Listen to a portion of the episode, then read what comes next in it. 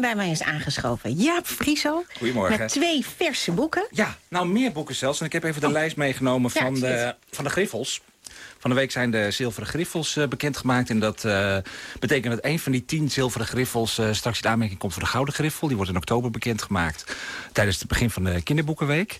En nou, het is een mooie lijst, maar waarvan ik wel denk... wie van die tien gaat hem nou winnen? Er staat bijvoorbeeld de, de dikke, die hebben we hier ook al eens besproken... dichtbundel van Ted van Lieshout. Er staat een enorme dikke boek waar eigenlijk al zijn dichtbundels in zitten... maar waarvan ik denk, ja, die hebben afzonderlijk ook alweer heel veel prijzen gehad. Dus het is mooi dat hij nu een zilveren griffel krijgt.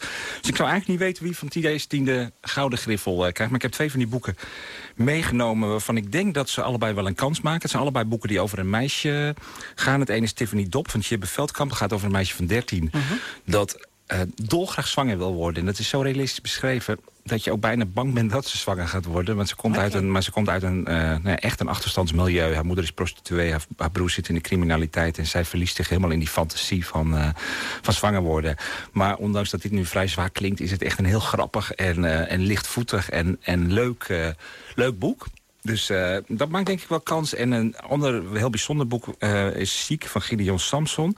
Uh, nog een wat onbekende schrijver, maar daar gaan we nog denk ik heel veel van horen. En dat is gewoon stilistisch heel erg mooi. Dat, in het boek ligt het meisje Belle, heet ze, ligt het hele boek gewoon in bed. Wat op zich al vrij bijzonder is. Ze is gewoon ziek en ze ligt in bed. En nou ja, wat gebeurt er als je ziek bent? En dus er wordt een beetje in het midden gelaten wat ze heeft. Waarschijnlijk heeft ze een tumor of ze is wel echt ernstig ziek.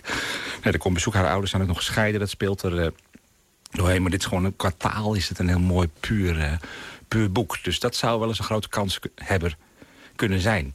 Ja, dus dat zijn de griffels. Wat geen griffel heeft uh, gekregen is... Uh, uh, ik haat politiek van Luigi Galando. Ja, leuke titel Ja, erg leuke titel. ik dacht van, dat neem ik deze week maar even mee. Want ik denk dat veel mensen dat van de week uh, verzucht hebben. Misschien de komende tijd nog wel eens. Uh, dat denk ik wel, ik ja. ben helemaal klaar met die politiek. nou ja, een titel die ook wel integreert. Dat je denkt van, waar, waar, gaat het nou over? Het, is, het gaat ook over een meisje. Ik denk van een jaar op 15, Camilla.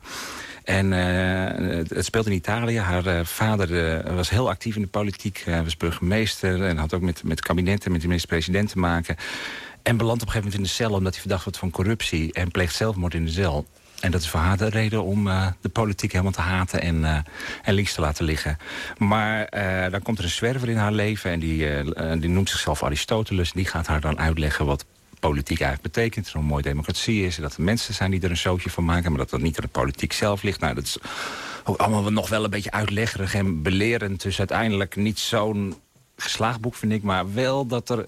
Uh, ja, hij schrijft wel heel mooi en het is heel uh, sympathiek. En, en toch ook wel, uh, wel leerzaam. Op een leuke manier worden de dingen over de politiek verteld. En het is toch ook wel het, drama van een meisje dat haar vader verliest. Ja. En nou ja, daar, daar haar weg in moet zoeken. Hoe, hoe je ja, de, de maatschappij eigenlijk toch haar, haar vader uh, onrecht heeft aangedaan... en om het leven heeft gebracht. En haar moeder wil er uiteindelijk niks van weten... maar wordt toch uiteindelijk dan zelf weer de nieuwe burgemeester. Nou,